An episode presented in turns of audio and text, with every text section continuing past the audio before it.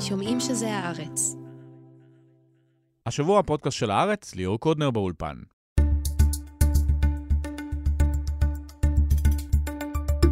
מירי רגב, אריה דרעי, יריב לוין ועוד בכירים בממשלה כבר לא מסתירים את הכוונות שלהם לחזור עם התוכניות לדריסת הרשות השופטת אחרי הבחירות. לפי נחום ברנע, ההפגנות שממשיכות להתקיים במקביל ברחבי הארץ יוצרות מעין מאזן נעימה מול הפוליטיקאים מימין שבאו לחרב את מה שנבנה פה ב-75 השנים האחרונות. עם הפרשן הבכיר של ידיעות אחרונות, נדבר על הסכנה המוחשית שנשקפת מבנימין נתניהו, למה הוא לא מוכן להתראיין לערוץ 14, ועל המו"ל, נוני מוזס, שמואשם גם כן בתיק 2000. בהמשך, על פייק ניוז ואיך אפשר להתמודד עם השקרים ברשתות החברתיות וגם בערוצי הטלוויזיה. איילה פנייבסקי חוקרת את הנושא הזה. ולבסוף, על הירקות שגומרים בפח האשפה ומעצימים את משבר האקלים. האמן ניצן מיוסט תיעד את מה שזרוקים ליד הבית שלו, וניהל מאבק בנושא מול שופרסל. שירה מייקין תסביר מה כל אחד מאיתנו יכול לעשות בנושא. האורח המרכזי שלנו השבוע הוא נחום ברנע, ידיעות אחרונות. שלום. אז אנחנו מתארחים בדירה שלך ברמת אביב. שבוע שעבר כתבת בידיעות אחרונות בצורה ממש מפורשת, נתניהו מהווה סכנה מיידית ומוחשית לביטחון המדינה. עדיין עומד מאחורי זה? כן, תראה, המשפט הזה נלקח מתוך מה שאמר uh, גלנט, שר הביטחון היוצא, הנשאר, uh, לגבי הסכנה המוחשית והמיידית לביטחון המדינה, אם לא ייצר גל החקיקה. אבל לא אמר את זה בצורה מפורשת על נתניהו. לא, אבל אני גם תרגמתי את זה לעובדה, משום שמי שבאותו שבוע מנע את עצירת גל החקיקה היה נתניהו. זה כמעט שתיים ועוד שתיים. ואחרי שהוא עצר את גל החקיקה, לפחות כרגע הוא כשיר או לא כשיר? תראה מה קורה. אנחנו, יכול להיות שזה ישתנה תוך כדי אה, היום הזה או הימים הבאים, אבל אה, יש שר ביטחון שתלוי באוויר, וזו רק אחת הבעיות אה, שלא לא מטופלת או לא מוכרעת. ראש הממשלה יש לו כמה תפקידים במדינת ישראל. ונדמה שהם לא מתקיימים. הקבינט לא מתכנס. יכול להיות שהאסון היותר גדול יהיה אם הוא כן יתכנס, אבל אה, בגלל אה, הרכב הקבינט. אבל יש כאן בעיה שאין לה הרבה תקדימים בהיסטוריה של 75 שנות המדינה. אתה יכול להסביר מה בדיוק קורה פה? כן. הבעיה היא שיש אה, שינוי מהותי בכללי המשחק. אולי שינוי זמני, אולי זו תקופת דמדומים. אבל השינוי קיים, ויש קושי גדול להבין את השינוי ולהפנים אותו. ואני מתכוון ליריעה מאוד רחבה. זה מתחיל באמת מהאופי המהפכני של אה, החודשים הראשונים של הממשלה הנוכחית, שהיא באמת באה עם אמביציה שלא הייתה כדוגמתה באף ממשלה שאני מכיר. אה, מבחינת אה, כמות החוקים, וגם מבחינת המוזרות שבהם, הקיצוניות של חלק מהם. טוב, אמרו ממשלת ימין על מלא. כן, אבל אני לא יודע מה זה. תגדיר ימין, תגדיר מלא, אני לא יודע מה זה. עכשיו, התגובה גם היא לגמרי חדשה ושונה מכל מה שידענו מקודם. אני מתכוון, המחאה, ההיקף שלה, ההיקף לא רק מבחינת המספר האנשים שיוצאים לרחוב, אלא מבחינת התעודה, גם בישראל וגם בעולם, מבחינת ההתמדה, לא היה כדבר הזה בכל המחאות שהיו לנו בעבר. והמוחים עצמם מדברים בלשון שבעבר לא הייתה.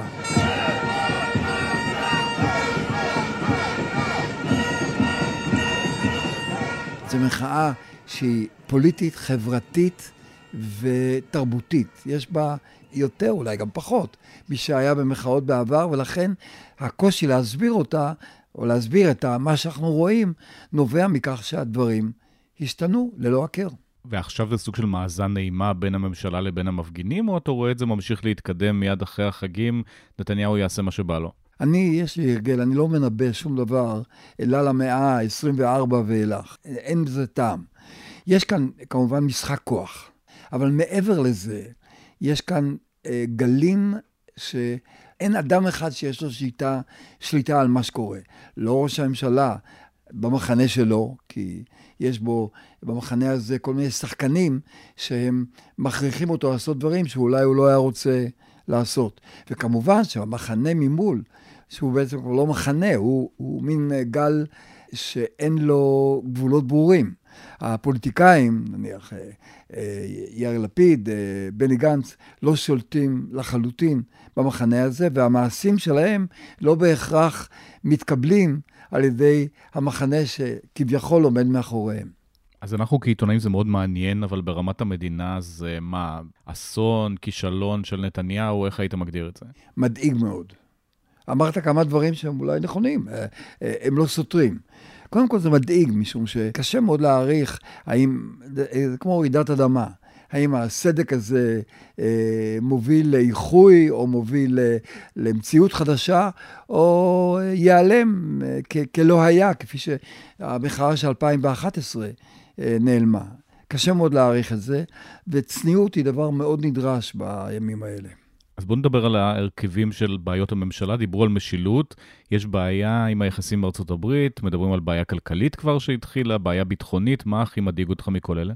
אני לא יודע לדרג את זה, משום שבאמת, אה, אה, אתה יודע מה, גם שאלת האשמה היא פתוחה לגמרי. זה לא נתניהו אשם וזהו? לא, זה לא כך פשוט, משום שבעיניי, כמובן, אה, הוא אשם בדברים שהוא עשה, כי הם דברים שמזיקים לחברה הישראלית, קודם כל למדינה ולמשטר פה. טוב, הוא אוחז בהגה, האחריות שלו. כן, אבל הוא תמיד יוכל לטעון במידה מסוימת של היגיון, שלמשל, הנזק בחו"ל, או הנזק לכלכלה נבע לא במישרין מהמעשים שלו, אלא מהתגובה של תנועת המחאה למעשים שלו. אה, תראה, בין 140 ל-150 הצעות חד... חוק חדשות הועלו. לא את כולן הגה נתניהו, או אפילו הגו רוטמן ויריב, אה, ויריב לוין. המצב הוא מוזר, אני קורא לזה עידן הביזה. מיד אחרי הבחירות, כל אלה שהיו שנה וחצי מחוץ לשלטון וחזרו לשלטון, הרגישו שזאת הזדמנות חייהם לקחת משהו מה, מהתחום הציבורי. אני מכיר את זה ממלחמות ישראל. האלמנט הזה של הביזה הוא, הוא דבר שאנשים אפילו לא ערים להתמכרות, ל, לרגע של הסחף, שאתה מאבד בעצם שליטה. וקח את חוק החמץ. מי, באמת, הדבר הבהול ביותר שהיה צריך לעשות בממשלה חדשה, זה לחוק חמץ. 75 שנה בפסח הסתדרנו איכשהו, ועכשיו אנחנו לא יכולים בלי זה. זו דוגמה ל, ל, ליצר הזה. בדרך כלל, אתה יודע, נהגי המוניות שבשבתות, בין ירושלים לתל אביב, היו קוראים להם חאפרים, כי הם היו חוטפים את הנוסעים. היה פה מחטפים מהסוג הזה. אתה רואה איזשהו מבוגר אחראי פה בסיפור הזה? אני רואה כמה מבוגרים אחראיים, אבל, אבל הם עומדים בדילמה. אני רואה, גנץ היה רוצה להיות המבוגר האחראי, גלנט בתחום שלו היה רוצה להיות המבוגר האחראי, אולי גם ביידן היה רוצה להיות המבוגר האחראי. הבעיה שאותם מבוגרים אחראיים שבעבר הצילו את נתניהו ממשברים, היום הם, אה, האחריות שלהם היא לא ממוקדת בהצלת נתניהו, אלא היא ממוקדת בתפיסה שלהם מה טוב למדינת ישראל. ועובדה שהם לא מצליחים בינתיים ליישב את המשבר הזה. יוסי ורטר קרא לזה הדירקטוריון של משפחת נתניהו, שכל סוף שבוע יושבים אה, בנימין, שרה וגם יאיר, ומחליטים מה עושים הלאה. אתה שותף להערכה הזאת? זה מה שקורה שם במשפחה? אה, כן, זה משפט יפה של אה, יוסי, בהחלט אה, אפשר לקבל אותו. אני מודה שאני לא יודע מספיק כדי לחרוץ איך, איך הדינמיקה בסופי שבוע בקיסריה. אני גם חושב שמבחינה ציבורית זה לא נורא חשוב. משום שהשאלה הגדולה היא, אה, אנחנו בחרנו את נתניהו כראש הממשלה, לא את אשתו ולא את בנו, ועליו האחריות. נהגו לומר שאתה לא קונה מכונית צרפתית שייצרו אותה ביום שני, משום שהפועלים מגיעים ביום שני למפעל אה, אחרי מנה אה, הגונה של אלכוהול. אז אולי צריכים לדחות את הישיבות של הממשלה מיום ראשון לאמצע השבוע, ונקבל ראש ממשלה יותר אחראי מאשר ביום ראשון. הבעיה זה לא המשפט? הפיל שבחדר? יש כל כך הרבה פילים בחדר, שכמעט כבר אין מקום בחדר. המשפט הוא בהחלט מרכיב בעניין הזה, משום שהגשת כתב האישום שכנעה את נתניהו אני חושב שבטעות, אבל שכנע אותו, שמערכת המשפט מעוניינת לחסל אותו ממניעים פוליטיים, ולא מתייחסת לדברים שהוא עשה או לא עשה במישור הפלילי. אה, והוא נחוש, אה, לדעתי, אה, לא לשים את גורלו בידי שלושה שופטים, לא חשוב מי הם. הוא רוצה לשלוט בגורלו בהחלטה שלו. אז זה חלק, זה מרכיב מסוים בעניין, זה דחף אותו לברית באמת עם האלמנטים הקיצוניים במגזר, נניח, הדתי, וגם לגרום להם להקצין כפוליטיקאים. כי אומרת, הם מבינים את מצבו. כן, הם מבינים את מצבו, הם מבינים שהוא סחיט מצד אחד, ומצד שני, שזאת ההזדמנות. וכמובן, יש כאן uh, שנים של שטיפת מוח. לא שמערכת המשפט כל כך מושלמת, אבל הנטייה לראות את זה כשחור לבן, זאת אומרת, אה, בני האור, זה אותם פוליטיקאים שעושים דברים שהחוק הפלילי אה, לכאורה מעמיד אותם כעבירות, מול, הם, הם בני האור, מול הפרקליטים שתובעים אותם, הם בני החושך. אני לא קונה את הסיפור הזה. אתה ככותב בכיר בידיעות אחרונות וידיעות אחרונות עצמו יכול לסקר את המשפט הזה בצורה הוגנת, כשנוני מוזס גם נאשם באותו תיק? אני מסקר את המציאות בישראל, כולל המשפט, אה, לגמרי באופן חופשי מכל שיקול זר, כולל אה, אשמתו או אי אשמתו של אה, מו"ל ידיעות אחרונות נוני מוזס. אבל אתה רואה שם בעיה כנראה, לא? אני לא יודע, אתה, תשפוט אתה, אתה עובד בעיתון הארץ, תשפוט אתה איך מתנהל המשחק הזה בעיתון הארץ. אני מתמודד עם המקלדת ועם העובדות שאספתי. אני כותב את זה לקור... לקוראים, לא למו"ל ולא לעורך. אבל ברמת האג'נדה של העיתון, תמיכה בעסקת טיעון כן או לא, תמיכה במחאה ציבורית כן או לא, אני מניח שיש אצל העורך או כותבים אחרים, יש איזשהו במוח איך זה משפיע על המו"ל שלנו. תראה, ידיעות אחרונות הוא שונה מעיתון הארץ. אין בו מאמר מערכת, למשל. אין בו ישיבות מהסוג שיש בעיתון הארץ, שבהם קובעים קו לעיתון. ויש לי כבוד גדול לעיתון הארץ ולדרך שבה הוא מתנהל. יש לי כבוד גדול לידיעות אחרונות ולדרך שבה הוא מתנהל. ה-DNA הזה של העיתון אומר בעצם שהעיתון הוא אה, חנות פתוחה לכל, ולא מפלגה או כת או סוג של לובי. התגובה בעיתון עצמו הייתה קשה ביותר. אני מציע לך לחזור ולקרוא את הדברים שכתבתי. אה, לא כתבתי, אלא כתבנו. ואני לקחתי על עצמי באמת, גם בגלל אה, הגילי המתקדם וגם בגלל אה, סיבות אחרות, את האחריות אה, לכתוב את הדברים היותר קשים, ואני שלם עם זה. כמו שקראתם לגירוש התנתקות ולא עקירה, ככה אתם קוראים לזה הפיכה ומהפכה, כי אתם ערוצי תעמולה, כי אתם בולשביקים. אתה מקבל את הטענות מימין כשקוראים לכלי התקשורת ערוצי תעמולה, גם לעיתון הארץ, גם לידיעות אחרונות ולערוצי הטלוויזיה? תראה, אתה, אתה נוגע כאן בנקודה שהיא הרבה יותר רחבה מהשאלה מה אתה או אני כתבנו בו ברגע מסוים. בשנים האחרונות, המערב הדמוקרטי כולו נתון, הייתי אומר, בסערה גדולה אה, סביב, אה, הייתי אומר, ההתנהלות הדמוקרטית. כתוצאה מכל מיני דברים, בעיקר הרשת החברתית, וגם מבחינת אה, מגמה שהפוליטיקאים אימצו אותה, יש הרבה יותר קוטביות.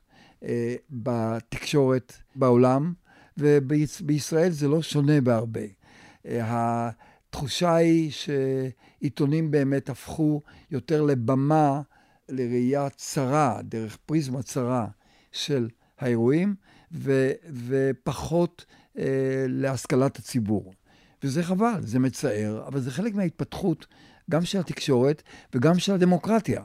אני מקווה שהדברים יתאזנו. תראה, זה נכון גם לגבי טלוויזיה, לא רק לגבי עיתונים.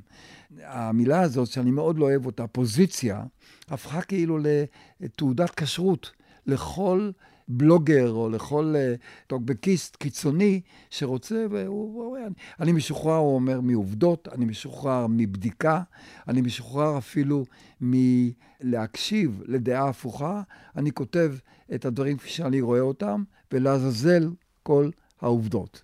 אני לא אוהב את זה. אנחנו כן רואים גם ידיעות אחרונות, גם ערוץ 12, גם ערוץ 13, כמובן הארץ, בוחרים פה צעד, יוצאים נגד ה, מה שהם קוראים, אגב, בצורה די מפורשת, ההפיכה המשטרית. עצם בחירת המילים האלה היא כבר uh, נקיטת צעד. תראה, למחרת הבחירות, בנובמבר, בתחילה, בשבוע הראשון של נובמבר, אני כתבתי את הטור שלי ונתתי לו את הכותרת מהפכת נובמבר.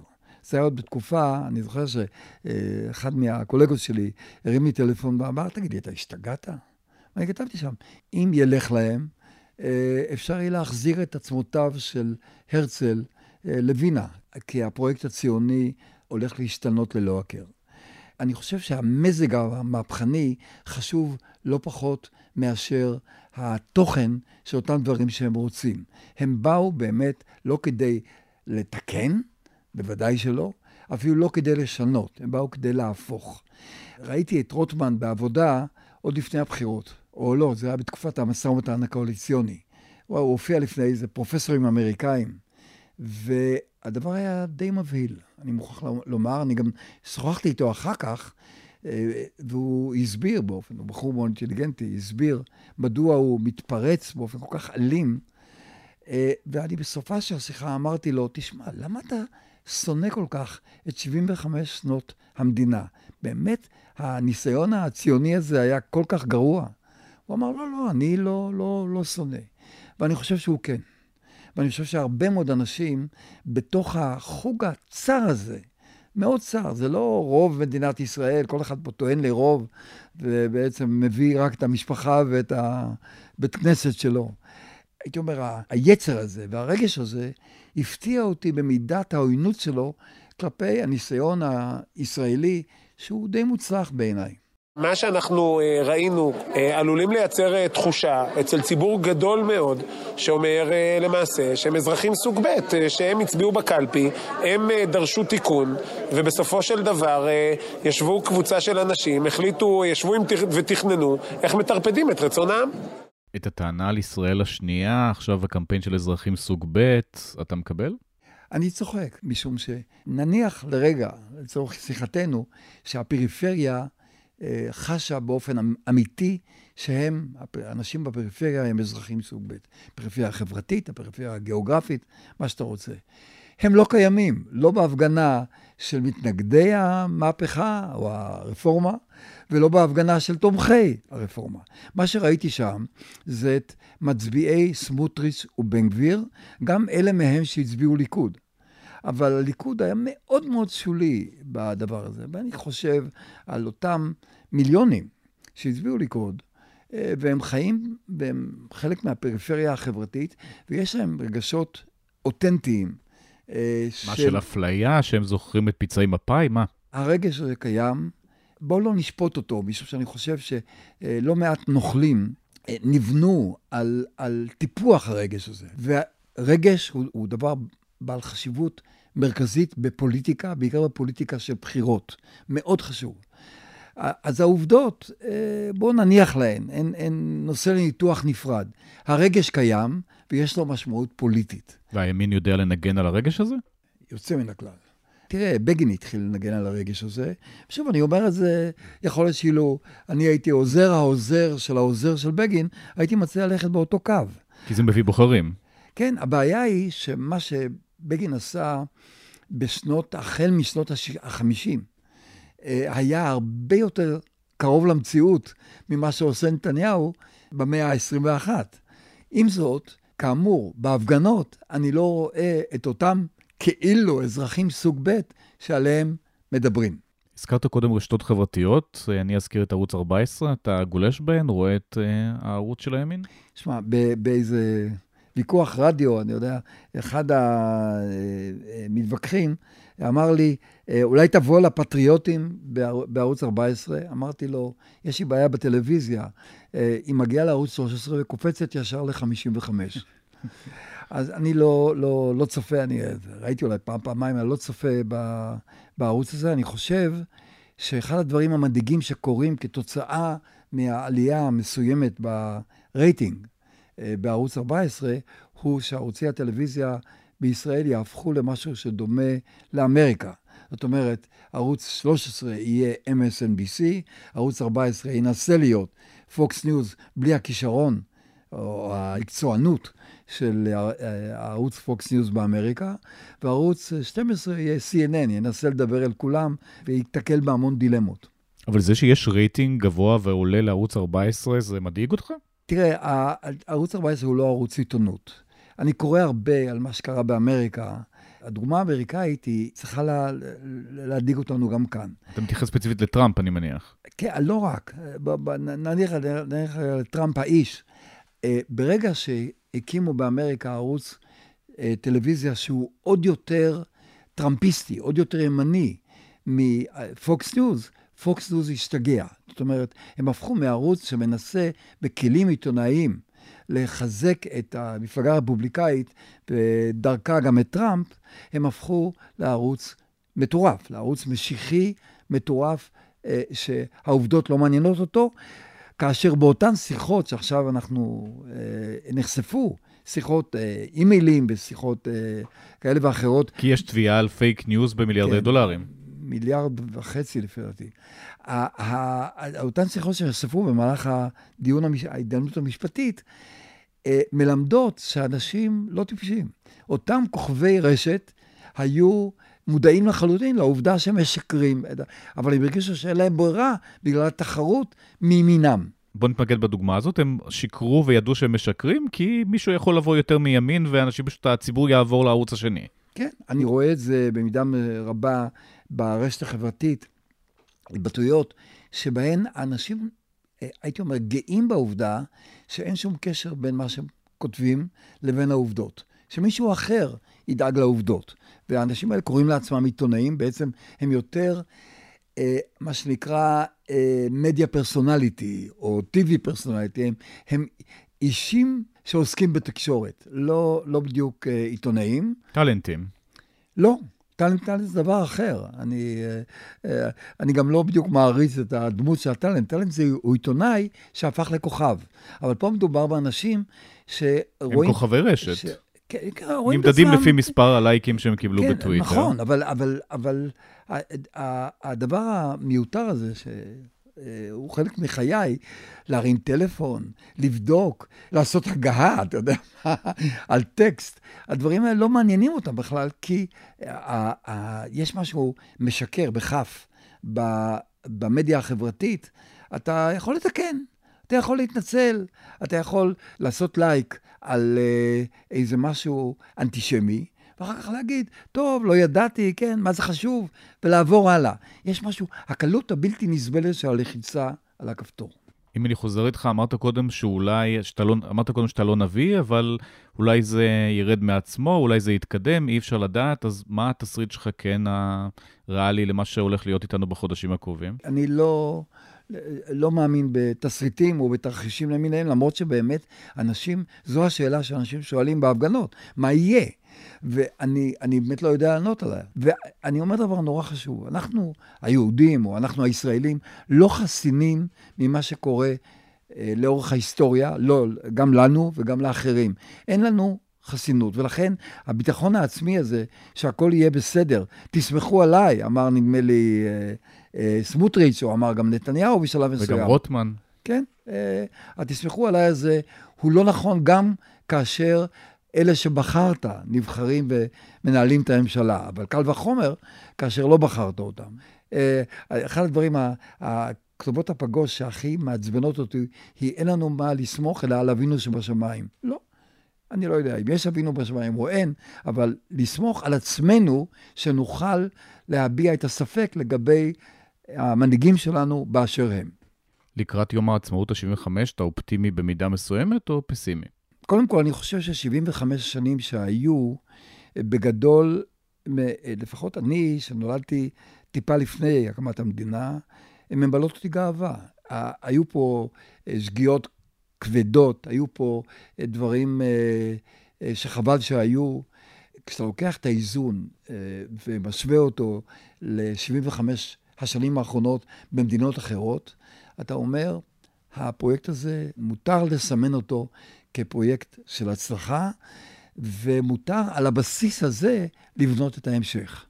השאלה אם, אם אנחנו לא מחליפים בסיס, היא שאלה, שאלה פתוחה, אבל uh, אין שום סיבה שנרגיש דיכאון על 75 שנים שהיו, והמבט הקדימה uh, הוא תלוי בנו. נחום ברנע, תודה רבה. תודה לכם.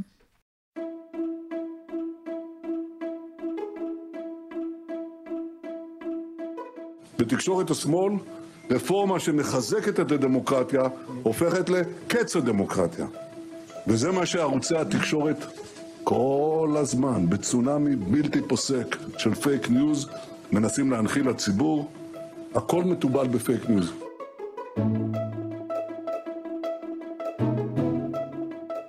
ומהפוליטיקה למאבק בפייק ניוז, שלום אה, איילה פניאבסקי. שלום. אז את חוקרת תקשורת פוליטית באוניברסיטת קיימברידג' ומתעסקת בדיוק בנושא הזה?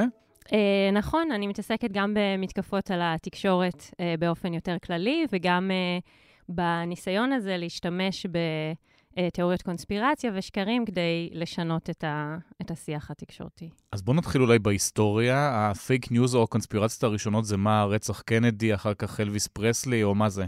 אז קודם כל, יש הרבה ויכוחים על איך להגדיר בכלל תיאוריות קונספירציה, ואנחנו יודעים שלפעמים תיאוריות קונספירציה גם מתבררות אחרי שנים כנכונות. לא נחתנו על הירח, את אומרת. אמ, אני מעריכה שכן, אבל למשל, הסיפור של אה, ניקסון ווטרגייט, בהתחלה, כשאמרו, כן, הנשיא פרץ לזה של הדמוקרטים, זה היה נשמע כמו תיאוריית קונספירציה, אבל מסתבר שזו פש... זאת, הייתה פשוט קונספירציה שהתרחשה במציאות.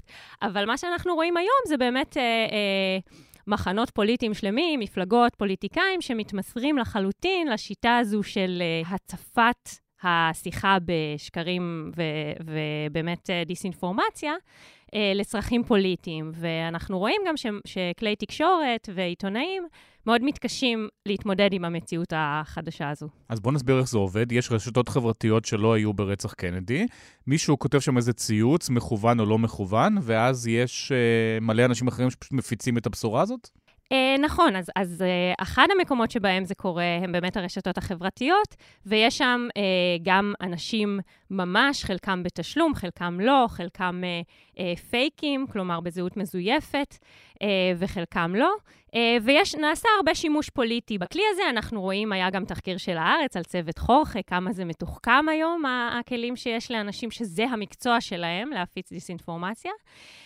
ובמקביל לזה, חשוב לומר שיש שחקנים uh, במגרש המסורתי של הפוליטיקה והתקשורת, כלומר, יש פוליטיקאים, מפלגות וגם כלי תקשורת שמתחזים להיות כלי תקשורת עיתונאיים, אבל למעשה הם כלי תקשורת אנטי-עיתונאיים. זה ערוץ 14 למשל? בהחלט, והם משתמשים באמת בכסות של תקשורת אה, כאילו שאנחנו רגילים אליה, יושבים באולפן ויש אנשים עם חליפות, וזה נראה כמו חדשות, אבל זה פייק. ו- ולמעשה, ולא רק פייק, אלא פייק, זה, זה חלק מפרויקט יותר גדול שאנחנו רואים, בעיקר של הימין הפופוליסטי בהרבה מדינות בעולם היום, אה, באמת להצר את צעדי העיתונות העצמאית והביקורתית, ולהלך אימים על אה, עיתונאים וכלי תקשורת. אז למעשה, הם משתמשים בהגנות שעומדות לעיתונות חופשית. חופש העיתונות, חופש הביטוי. בדיוק, ו- אבל למטרות שהן אנטי-עיתונאיות. כלומר, להצר את, uh, את העיתונות ואת מה שאנחנו יודעים ואת גבולות השיח ו-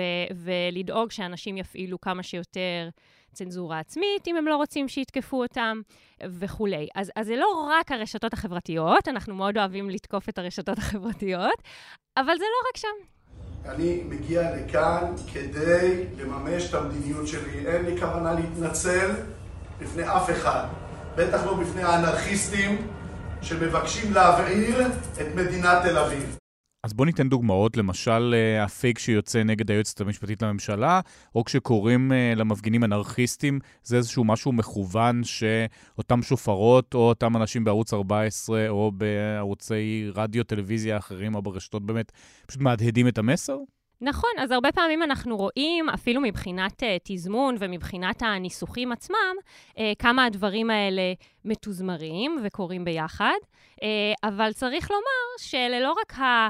bad actors, כלומר, זה לא רק הכלי תקשורת האל, האנטי-עיתונאיים האלה שהם הבעיה, ואלה לא רק הרשתות, אלא גם כלי תקשורת אה, ממוסדים ומוכרים, שהתמודדו עם האתגר הזה בצורה מאוד מאוד לא אפקטיבית, והכניסו את האנשים האלה לאולפנים, ובכך העניקו להם לגיטימציה. בהרבה מאוד אולפנים, גם בחדשות 12, גם בחדשות 13, אה, והרבה תוכניות אקטואליה, הרגישו צורך להביא מישהו מהצד השני, נכון? לאזן, כי כל הזמן אומרים שהתקשורת שמאלנית, אז היא עובדת מאוד קשה בלהוכיח שהיא לא.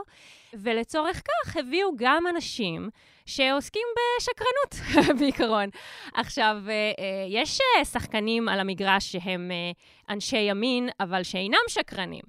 אבל אם אתה ככלי תקשורת מרגיש שאתה מחויב, לצורך העניין, להביא מישהו שיתמוך בנתניהו, אז נוצרת בעיה, וברגע שהאנשים האלה מקבלים את הלגיטימציה אה, ואת הנראות הזו של עיתונאים, ולפעמים גם קוראים להם עיתונאים וכלי תקשורת וכולי, אז כבר הם מגיעים בחזרה לערוץ שלהם עם קפיטל uh, כזה, עם הון, uh, ועם איזשהו מעמד uh, ש, שמאפשר להם להתחזק, ואנחנו באמת רואים, זה כמובן לא הסיבה היחידה שערוץ 14 פורח כרגע, uh, אבל זו דוגמה אחת לאיך uh, כלי תקשורת עיתונאיים הכניסו את הגורמים האנטי-עיתונאיים לתוך המערכת. איפה את מעבירה את הקו של מה זה שקר ומה זה הבעת דעה? יש הרבה דעות בעולם, ואפשר להתווכח על הרבה דברים, זה דבר חשוב לעשות בדמוקרטיה.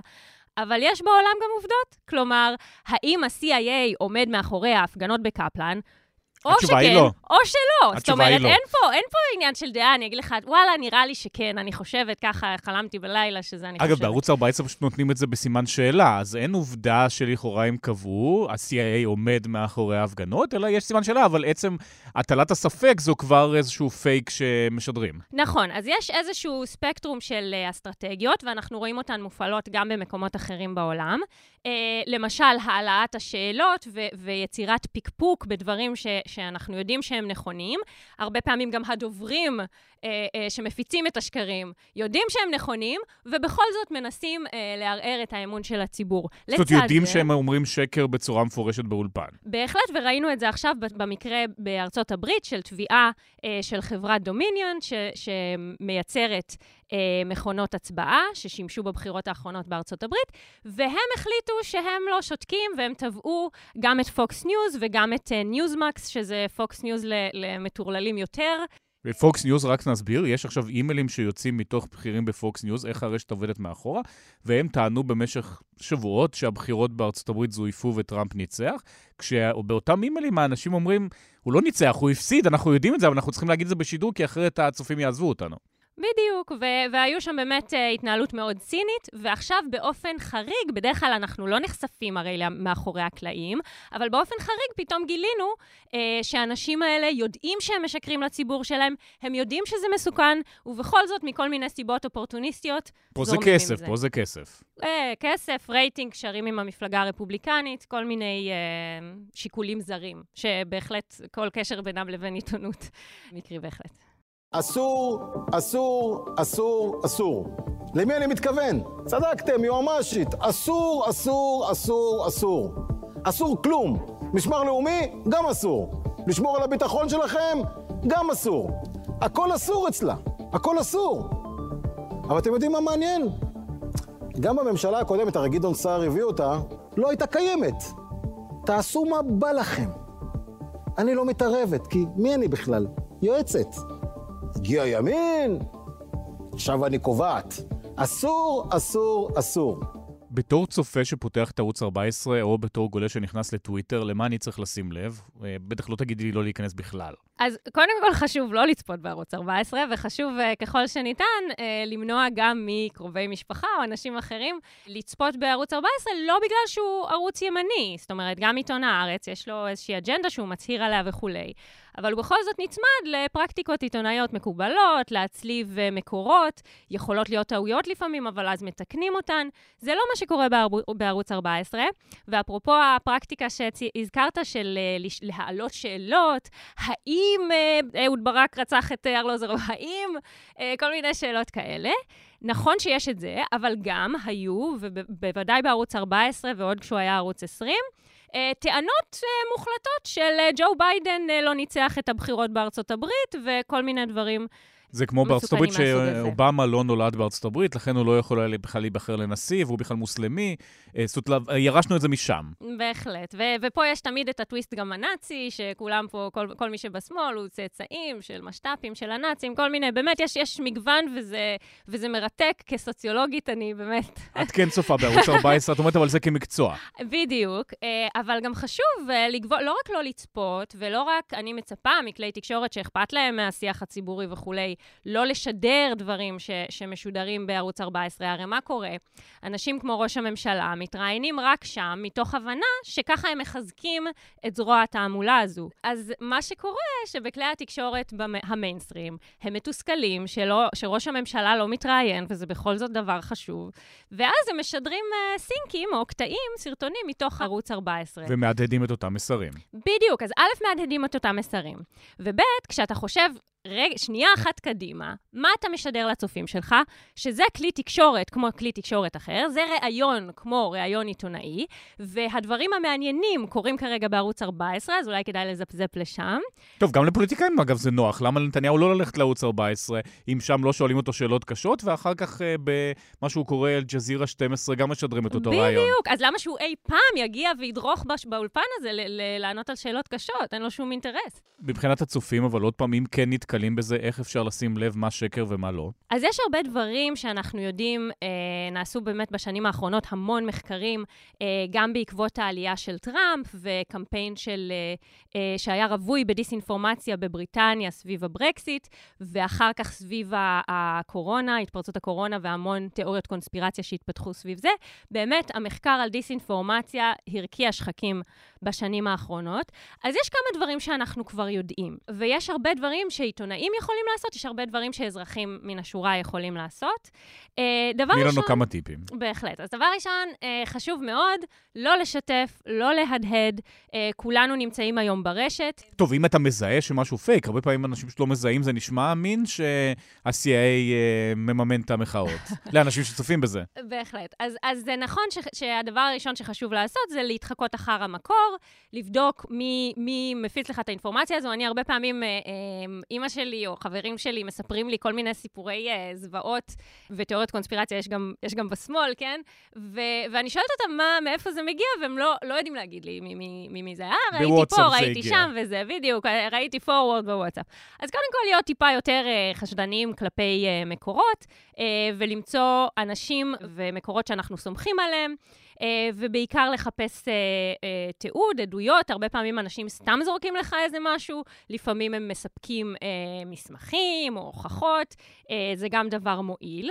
אבל מה שחשוב לעשות גם כשאנחנו מזהים שיש פייק, לא לשתף אותו, לא להדהד אותו, אפילו לא לצטט. כלומר, מחקרים הוכיחו שה... כוח של uh, ציטוט של מישהו, אפילו אם אתה אומר, נתניהו אמר בלה בלה בלה בלה בלה, מצטט אותו, ואז אתה מפריך את מה שהוא אמר, זה עדיין לא מספיק טוב. כלומר, הרבה אנשים, מה שהם יזכרו כשישאלו אותם מחר, הם יזכרו מה נתניהו אמר, לא בהכרח יזכרו את ההפרחה שלך. והשקר הוא בדרך כלל הרבה יותר אטרקטיבי, הוא הרבה יותר מעניין, הוא ג'וסי, אה, הניסוח שם, המילים, הם בחרו אותן בכוונה, והוא גם ממסגר את השיחה.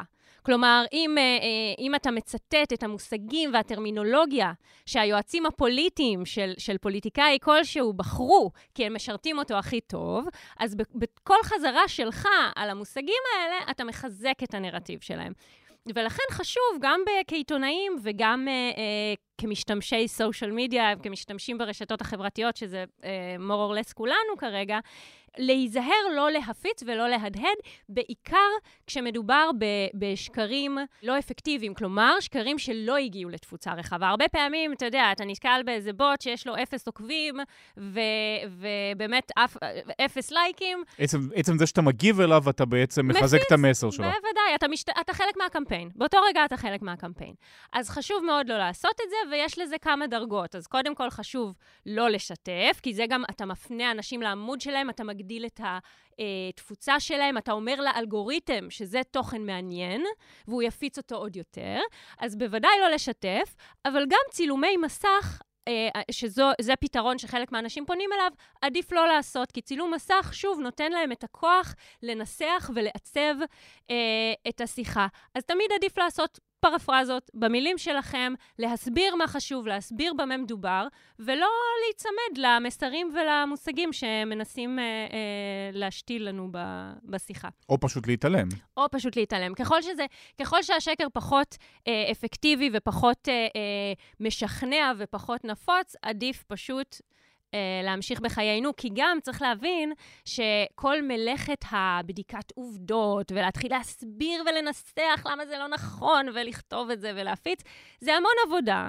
הזמן שלנו מוגבל, האנרגיות שלנו מוגבלות, וגם הקשב של, ה, של הקהל שלנו מוגבל. אז חבל לבזבז את כל המשאבים האלה על דברים שכרגע לא גורמים נזק משמעותי. הזכרנו שאנחנו אוהבים לשנוא רשתות חברתיות. הלחץ עליהם בשנים האחרונות כדי להתמודד עם התופעה הזאת היה מאוד גבוה, והם הכניסו כל מיני כלים, למשל בוואטסאפ אי אפשר לשלוח אותה הודעה ליותר מדי אנשים, אה, בפייסבוק, גם בטוויטר יש קצת בדיקת עובדות, אבל מה זה, מעט מדי, מאוחר מדי? Uh, בהחלט, וזה, ו, וכיום, גם כיום, הפיקוח על הרשתות החברתיות הוא מינימלי.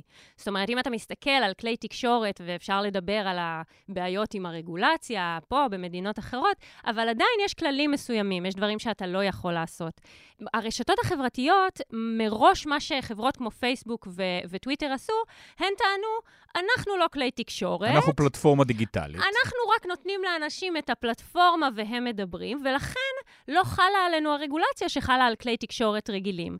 ו- וזו הייתה שגיאה מאוד מאוד רצינית של ממשלות ברחבי העולם להיכנע לסיפור הזה. עכשיו זה בדיון בבית המשפט העליון בארצות הברית, שאגב כנראה הולך להמשיך את הסיטואציה הזאת לפי הדיונים שהיו שם. אז באמת הרשתות החברתיות... מאוד קשה. נכון שהלחץ הציבורי השפיע והם ככה בלית ברירה נגררו לעשות כמה דברים, זה עדיין רחוק מלהיות מספק, וגם פשוט לא משכנע, כי להגיד אה, אה, אנחנו סתם נותנים לאנשים לדבר, מתעלם מהכוח העצום של החברות האלה באמצעות האלגוריתם, להחליט איזה תוכן יקודם, איזה תוכן לא יקודם, ומתוך הרצון שלהם שלא להעסיק עורכים ולא לשלם לאנשים ש, שיפקחו על תוכן, הם באמת נמלטים מכל accountability, אה, אה, מכל אחריות ו- ואחריותיות ציבורית.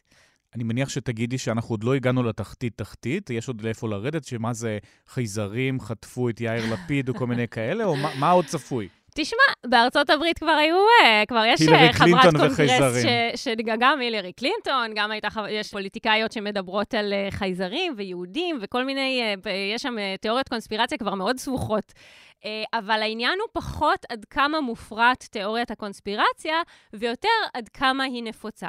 אז באמת מה שאנחנו רואים בארצות הברית, זה שהחברה מחולקת פחות או יותר לדמוקרטים ורפובליקאים. חצי חצי. ובעוד שהדמוקרטים צורכים כל מיני סוגים של אה, תקשורת, אה, חלק CNN, חלק MSNBC, כל מיני כלי תקשורת, הימין באופן מובהק צורך את החדשות שלו בפוקס ניוז. כי האמון שלו בכלי התקשורת המסורתיים הוא מאוד מאוד נמוך, הם הולכים לתיבת תיבת התהודה שלהם. בהחלט. עכשיו, צריך להבין, כולנו אה, אה, מועדים להאמין יותר לתיאוריות קונספירציה שמאוששות את האמונות הפוליטיות שלנו, ברור. כן? גם אנחנו כ- כאנשי שמאל, לצורך העניין, אה, יותר סיכוי שניפול לתיאוריית קונספירציה ש- שמסתדרת עם כל מה שאנחנו רוצים לחשוב, כן? אבל... שבנימין נתניהו נחטף על ידי הבן שלו שמחזיק פה כבן ערובה. למשל, למשל. ו- ואז מה שאתה רואה שקורה בארצות הברית, זה שכיוון שיש לך אה, מחנה פוליטי שלם שצורך את החדשות שלו בערוץ שהוא, שוב, זה לא, זה לא שאלה של ימין או שמאל. MSNBC הוא ערוץ כבלים אה, אמריקאי שמקדם אה, רעיונות של שמאל באופן פתוח, יש לו אג'נדה, אבל הוא עדיין לא מפיץ אה, את אותו סוג ו- ומינון ומופרכות של שקרים ותיאוריות קונספירציה שעושה ערוץ פוקס ניוז. ואז מה שקורה, יש לך חצי מהחברה בארצות הברית ש- ששומעת כל היום שהנשיא שלה הוא לא ביידן, ושחטפו אה, אנשים ויש רשת פדופילים שמנהלת את אמריקה. וכשאתה מגיע כבר לשלב הזה ולתפוצה הזו, מאוד מאוד קשה לחזור אחורה. איילה פניאבסקי, תודה רבה. תודה רבה. They say this song is garbage. They're gonna stick it in the can. But if it makes us happy, we don't give a damn. שלום שירה מייקין. שלום, שלום. ושלום לאומן ניצן מיוסט, שלום. שלום וברכה. אז אתה בוגר בצלאל, ואנחנו נדבר על פרויקט הגמר שלך שהוצג בפאצ'ה קוצ'ה האחרון. זה מכתבים שאתה כותב למנכ"ל שופרסל. נכון מאוד. אז איך הגעת אליו? הסיפור שלי מתחיל uh, קצת הרבה אחורה, איפשהו שם בשנה ב', uh, תקופת קורונה, אנחנו בסגר, ואני נכנס עם השותף שלי להרצאה אקראית לחלוטין של ארגון מצילות המזון, ירושלים, למי שלא מכיר, ארגון מהמם. Uh, ובאחד השקפים שם הייתה תמונה של הר ענק של ירקות שזרוק כזה על הרצפה בדרכו אל הפח. התמונה הזאת תפסה אותי מאוד מאוד חזק, וכעבור שנתיים כשהגעתי לשלב שבו אני אמור להחליט מה אני עושה בפרויקט הגמר שלי, זה אחד הדברים הראשונים שעלו לי. והחלטתי שבמקום להסתמך רק על תמונה שראיתי, אני אלך ואראה את, ה... את התופעה בעצמי. תעשה תצפיות על הסופר השכונתי. נכון. אז התצפיות לא ארכו הרבה זמן, ולא הייתי צריך לחכות או להגיע ביום מאוד מאוד ספציפי, אה, זה פשוט שם תמיד וקיים, והגעתי לפח שמאחורי סניף שופרסל אגרון בירושלים, ונתקלתי בין היתר ב-143 מלפפונים ששכבו שם יפים ו- וטעימים. אתה ספרת. ספרתי אותם אחד-אחד. Uh, היו שם עוד הרבה כרוביות וחלב וכל מה, ש- מה שרק רוצים במקרר, אבל uh, המלפפונים תפסו לי את הלב, ואני החלטתי שאני צריך לספר על זה למישהו. Uh, רציתי שמישהו יראה את התופעה וישמע אותי, אז פניתי למנכ"ל שופרסל. כן, היו, היו כמה אפשרויות. בהתחלה חשבתי לפנות לשרה להגנת הסביבה, אבל זה היה קצת קפיצת מדרגה גבוהה מדי בשבילי, אז החלטתי ללכת על צנוע, ופניתי למנכ"ל שופרסל. זאת אומרת, מראש היה הרעיון, או אחרי שספרת את המלפפונים? הרעיון הגיע בשלבים, זאת אומרת, ידעתי שאני רוצה לפנות למישהו, ידעתי שאני רוצה לספר על זה למישהו, לא היה לי ברור כל כך מי. Um, היה ניסיון אחד גם לגשת למנהל של הסניף הספציפי הזה באגרון, אבל הוא לא היה שם באותו יום, אז החלטתי כבר לקפוץ למים. נלך על המנכ"ל. אז שירה, אנחנו מדברים פה על תופעה של זריקת מזון, תכף נגיע לכל הסיפור של ניצן, אבל זה משהו שנראה בהתחלה מצחיק 143 מלפפונים, אבל בסוף זה פשוט מצטבר. מצחיק זה ממש ממש לא. אני חושבת שמדובר במחדל גם לאומי וגם בכשל שוק שעולה לכל משק בית ישראלי מאות שקלים בחודש. אמ, שאנחנו פשוט קונים דברים ולא אוכלים אותם וזורקים. גם אנחנו ברמה האינדיבידואלית וגם uh, מסעדות, רשתות שיווק, כמו שופרסל, uh, קייטרינגים, כן, לפי uh, uh, הדוח האחרון של uh, לקט ישראל, שזה ארגון שעוקב אחרי בזבוז המזון בישראל, 37 אחוז מסך המזון בישראל מוצא את עצמו בסוף בפח, וואו. בלי שהוא בכלל הגיע לבטן של בן אדם קודם. זאת אומרת, מתוך שלושה מלפפונים, אחד הולך לפח ישר. יותר משליש, וחצי מתוך ה-37 אחוז האלה זה מזון שאפשר היה להציל. אז זה פשוט בזבוז שהוא בלתי נתפס. אותם מלפפונים ניצן, אה, זאת אומרת, אתה אכלת אותם בסוף אפילו, לא? נכון, מילאתי את המקרר שלי היטב, אני ושותף שלי אכלנו מהם הרבה הרבה מאוד זמן. למרות שהם יצאו מהפח, זה היה בסדר. זה נכון, העניין של הפח הוא, הוא מאוד מאוד מעניין, כי הפח הוא איזשהו אייקון תרבותי. זה משהו שלא מתקרבים אליו, זה משהו שאנחנו תמיד נרצה גם להסתיר אותו, כמה שיותר רחוק מאיתנו. ומשהו במפגש גם שלי עם הפח, הוא היה מאוד מיוחד, כי אני בעצם פעם ראשונה בחיים שלי, שגיליתי שיש בפח שלנו גם דברים מאוד מאוד טובים, שמקומם לא בפח, והמלפפונים האלו באמת באמת היו טעימים, ואני כאן בשביל לספר על זה גם, אני לא מתתי מאז. למה זרקו אותם? יש המון סיבות. אחת הסיבות הנפוצות היא באמת אה, פגמים או מודל היופי המאוד מאוד אה, מוכר שאנחנו רגילים להכיל גם על המזון שלנו. כן, זאת אומרת, המלפפון לא מספיק יפה. כן, אם הוא קצת עקום, אם הוא מכוער, אנחנו פשוט לא נקנה אותם. הסינון הזה מתבצע בסופר עצמו? החקלאי כותב את המלפפון, זה מגיע לסופר ואז הסופר זורק? או שעוד קודם יש הרבה בזבוז של מזון שמתבצע? האמת שהבזבוז מתבצע לכל אורך הדרך, מהרגע שהחקלאי זורע או, או שותל, אה, דרך העיבוד של זה, האריזה של זה, השינוע. השליחה לכל מיני מקומות בעולם, כל הדברים האלה פולטים כמויות פסיכיות של אה, פחמן דו-חמצני. ואז יש אחרי הזריקה, אה, כשזורקים אוכל לפסולת אורגנית למטמנות, Uh, הפסולת עצמה, סוג של נרכבת ופולטת מתאן, שזה גז חממה מאוד מאוד מאוד חזק.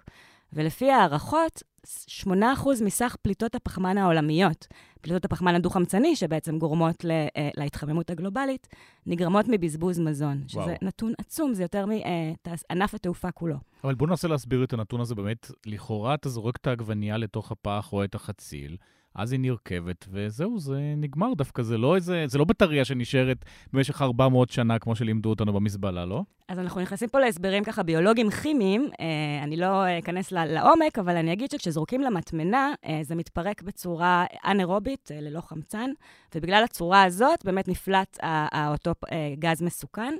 לעומת זאת, ואנחנו נדבר על זה, אני מקווה, בהמשך, כשמקמפסטים, כשהופכים את זה לקומפוסט, אז הפירוק הוא אה, בעזרת כל מיני אה, חיידקים ותולעים ואלוהים יודע מה. וזה דווקא טוב. הוא דווקא טוב, אז כן. אז עוד לפני שנגיע לקומפוסט, אז אנחנו חוזרים למכתבים שלך, ניצן, אז בוא תקריא לנו כמה הבאת, כמה, כמה סך הכל כתבת?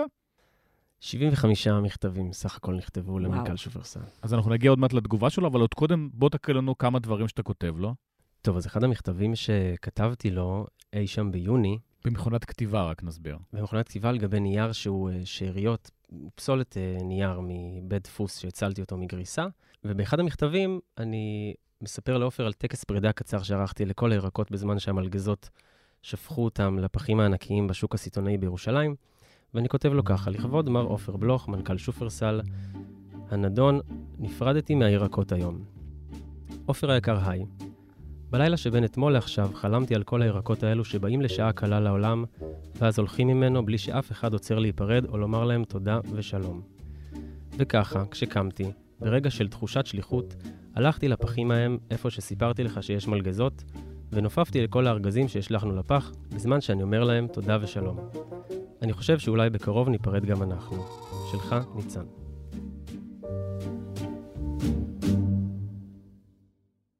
זה אחד המכתבים האחרונים שלך? נכון, זה אחד המכתבים לקראת הסוף. ומה הוא הסוף? חוץ מפרויקט הגמר, הוא עונה לך בסוף? אז בסוף, אחרי תקופה של כמעט שלושה חודשים, אה, שבעצם אני מנהל מעין מערכת יחסים אה, שלי עם עצמי. אה, חד צדדית לגמרי. חד צדדית לחלוטין. בסוף, בשבוע השני לתערוכה שלי בבצלאל, אני מקבל מכתב תגובה משופרסל. וזה היה רגע מאוד מאוד מרגש. ציפית בכלל שהוא יענה לך מההתחלה, או שזה היה סוג של uh, טרול כזה שכותב מכתבים למישהו שלא יענה אף פעם? לא, אז הציפייה תמיד הייתה שם באמת, וגם אני כל הזמן חוזר ומדגיש את זה בכל הזדמנות. הפרויקט שלי לא נוצר בשביל... Uh, להטריל. כן, הוא לא נוצר בשביל להיות גם אחר כך מוצג בקירות המוזיאון. באמת, באמת רציתי לשבת עם עופר בלוך לדבר איתו, באמת. וזאת הסיבה גם שערכתי לו סעודה מאוד חגיגית, זאת אומרת, מאוד מאוד רציתי לשבת ולדבר. סעודה של אותם ירקות שנזרקו. נכון, סעודה, סעודה חגיגית במיוחד. הוא לא הגיע לסעודה הזאת, אבל ענה לך מכתב חזרה. נכון, מכתב חזרה משופרסל הגיע גם בסוף יוני. יש, פה זה לא מכונת כתיבה, אלא מדפסת עם לוגו רשמי של אה, שופרסל, יש חתימה של המנכ"ל, שמה הוא כותב לך? אז משופרסל ענו לי בחזרה. לכבוד ניצן מיוסט, הנדון, מכתביך בנוגע לסניף אגרון. ניצן היקר, רציתי לספר לך שקיבלתי וקראתי את כל המכתבים ששלחת אליי. אני מודה שהתרגשתי והתרשמתי מאוד מדאגתך לסביבה ולנושא הקיימות בכלל, ובעיקר בסניף אגרון בירושלים. אנו בשופרסל רואים שליחות בהצלת מזון כאמצעי לחיזוק הביטחון התזונתי של אנשים הסובלים מאי-ביטחון תזונתי. אנחנו משקיעים בנושא הזה הרבה מאוד משאבים, בסוד גם אספר לך, כי אנחנו בשופרסל אוהבים להישאר צנועים, שבשנת 2021 הצלנו 1,600 טונות בשווי של 12.8 מיליון ש"ח. בגלל שאכפת לי ממך, אשתף אותך שבדקתי באופן אישי את נושא הקיימות בסניף, ואנחנו כמובן נבצע את התיקונים הנדרשים לחוויית לקוחותינו. תודה שהזמנת אותי לתערוכה שלך, התרגשתי. אז אחרי כל הבלה בלה בלה בלה בלה, מה בעצם קרה בסניף?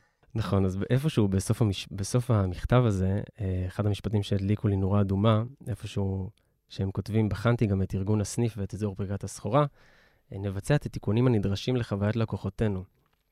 שזה משפט שעל פניו אמור מאוד מאוד, מאוד, מאוד לשמח אותי, אבל uh, יום למחרת, כשהלכתי לבקר את הפח האהוב שלי, מאחורי סניף שופרסל, גיליתי שנעלו אותו. Uh, כדי שלא תוכל לצלם ולתעד ולהוציא את המלפפונים. נכון, uh, ובאיזשהו מקום כל כך התרגלנו. להתנהלות כזו של חברות ותאגידים וטייקונים.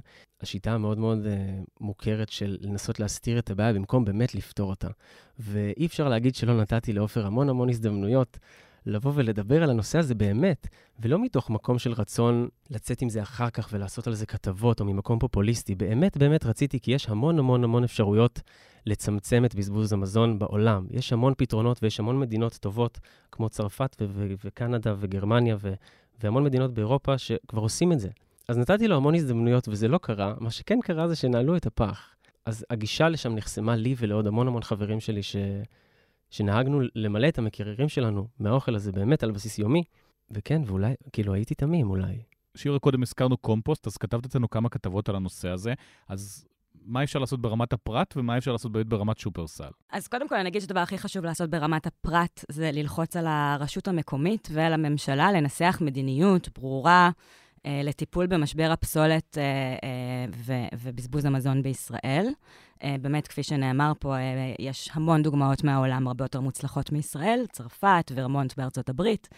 אה, אז אה, לא חסרים כלים של מדיניות שאפשר פשוט ליישם אותם פה בישראל. טוב, בדיוק שהממשלה פשוט בוזזת את הכסף שנאסף לאיכות הסביבה, לא כך סביר שהיא תשקיע בתחום הזה. ממש, בדיוק השבוע היה דיון על קרן הניקיון של המשרד להגנת הסביבה, שזה הקרן שאחראית בעצם על, על טיפול בפסולת ובבזבוז מזון בישראל. שלושה מיליארד שקל יש שם בקופה, והממשלה רוצה את הכסף הזה. דרעי ומשרד הפנים מאוד רוצים את הכסף הזה ממשרד להגנת הסביבה, וזה אסון לכל מי שאכפת לו. מ... יש לנו, אנחנו במשבר פסולת בישראל, המטמנות מלאות עד uh, אפס מקום, וזה פוגע מאוד מאוד בסביבה, רעל, רעלים מחלחלים למי התהום או נשטפים לים. אה, אז קודם כל, ברמה, אה, כמו שאמרתי, ברמה האישית, זה ללחוץ על הרשות המקומית והממשלה. טוב, אולי גם לקנות פחות, רק את הדברים שאתה צריך באמת, לא לקנות את הירקות שלא תשתמש בהם, אלא מה שאתה צריך, תקנה ותשתמש. בדיוק. ברמה האישית, באמת, אה, יש כל מי שמתעניין לחפש כל מיני מתכונים, איך להכין דברים ממה שנשאר במקרר, או טיפים איך להכין רשימת קניות לפני שאתה יוצא ולקנות כל מה שצריך. אמ, ואני סבורה שאחד הדברים הכי חשובים וגדולים שאדם אינדיבידואלי יכול לעשות אה, כדי להילחם במשבר האקלים, זה להתחיל לקמפסט, להתחיל לעשות קומפוסט. אז תסבירי לנו מה זה אומר. אז אה, קודם כל, אני קומפוסטרית אה, נלהבת, ובעקבות הכתבות שאני עשיתי בעצמי, רכשתי קומפוסט. הרבה מועצות מקומיות ועיריות בישראל גם מסבסדות את המחיר של הקומפוסט, אם הן בעצמן לא דואגות לזה. כמה זה עולה? אה, אני חושבת שזה עלה לי 300 שקל, משהו כזה. אני ממועצה אה, אזורית אה, שמסבסדת. זה סוג של פח כזה מיוחד, שפשוט זורקים והתולעים והדברים הביולוגיים אוכלים את זה, לא? כן, האמת שזה פשוט להדהים. זה מין מיכל כזה, שאתה זורק אליו את, ה, את כל הפסולת האורגנית שלך, שזה כמויות מאוד גדולות, כך גיליתי תוך כדי שאני עושה את זה. והקסם קורה לבד, כלומר, כל התולעים, וכן, יש קצת תולעים וקצת זבובים. אה, וכל מיני חיידקים בלתי נראים. כמו קסם, תוך בערך חצי שנה, אותו זבל הופך לקומפוסט, שבו אני משתמשת בשביל אה, לטפל בגינה שלי, וזה מין מעגל קסמים כזה שהוא אה, אפילו מרגש, אפילו פואטי בעיניי. מסריח? Uh, הקומפוסט עצמו לא מסריח, אבל מה שעוד יותר נחמד זה שהפח לא מסריח יותר. פעם הייתי זורקת את פח הזבל שלי כל יום, עכשיו אני זורקת פעם בשבוע, והוא חסר ריח, זו חוויה די מדהימה. אז זאת אומרת 300 שקל, להקים את זה בבית, ואז uh, המצפון נקי. רק אם יש לך חצר, כי אפשר לעשות את זה רק באמת uh, על אדמה, כלומר בחוץ בחצר. יש כל מיני פתרונות למרפסות שהם קצת יותר מורכבים, וכאמור, צריך ברמה המדינית, או לפחות המוניציפלית, uh, לאפשר לתושבים שיהיה קומפוסטר שכונתי, או משאית שאוספת את החומר האורגני. אז ניצן, היית אולי קצת אופטימי מדי, או נאיבי? כי בסוף נעלו את הפח, ובזה זה נגמר. זו שאלה טובה. אני חושב שהכוח של העבודה שלי טמון דווקא בנאיביות הקטנה הזו, שטמונה שם תמיד, לאורך כל הדרך אגב. קצת כמו ילד שבאמת מקווה אה, לפגוש איזה איידול שלו, אז רקמתי את המערכת יחסים הזו עם עופר ובלעדיו, אה, מתוך מחשבה שהיא כן נאיבית, אבל בו זמנית גם אה, מאוד אופטימית ומאוד ריאלית. כי אני לא חושב שזה דבר כל כך מוגזם לקוות למפגש עם מנכ"ל, כן, אנחנו לא מדברים פה על... אה, נשיא ארצות הברית. מנכ"ל שופרסל, אני חושב לפחות שזה דבר יחסית פשוט אה, לשבת ולדבר איתי. טוב, ענה לך בסוף, פשוט אה, ענה לא מה שרצית לשמוע, או הפוך במבחן התוצאה, זה הפוך ממה שרצית לשמוע. אז האמת היא שעופר, ככל הנראה, מעולם לא ראה את המכתבים שלי. מי שראתה את המכתבים שלי הייתה מנהלת השיווק והיח"צ של שופרסל. גם לא והמכתב, לא מפתיע? נכון, לא מפתיע בכלל, המכתב חתום גם על ידה. אז חצי ענה לי. שיר הסיכוי שמשהו פה ישתנה, או שאנחנו נוכל לעשות את השיחה הזאת אה, ולכתוב עוד ועוד מכתבים? שאלה, אה, התשובה שלי היא מדכאת. אני, עם מה שקורה עכשיו עם המשרד להגנת הסביבה, שמסרסים אותו על ימין ועל שמאל, אה, לא, לא הולך להשתנות פה כלום. טוב, ניסינו משהו אופטימי, לא יצא משהו אופטימי לסיום. שירה מייקין וניצן מיוס, תודה רבה. תודה רבה. תודה רבה.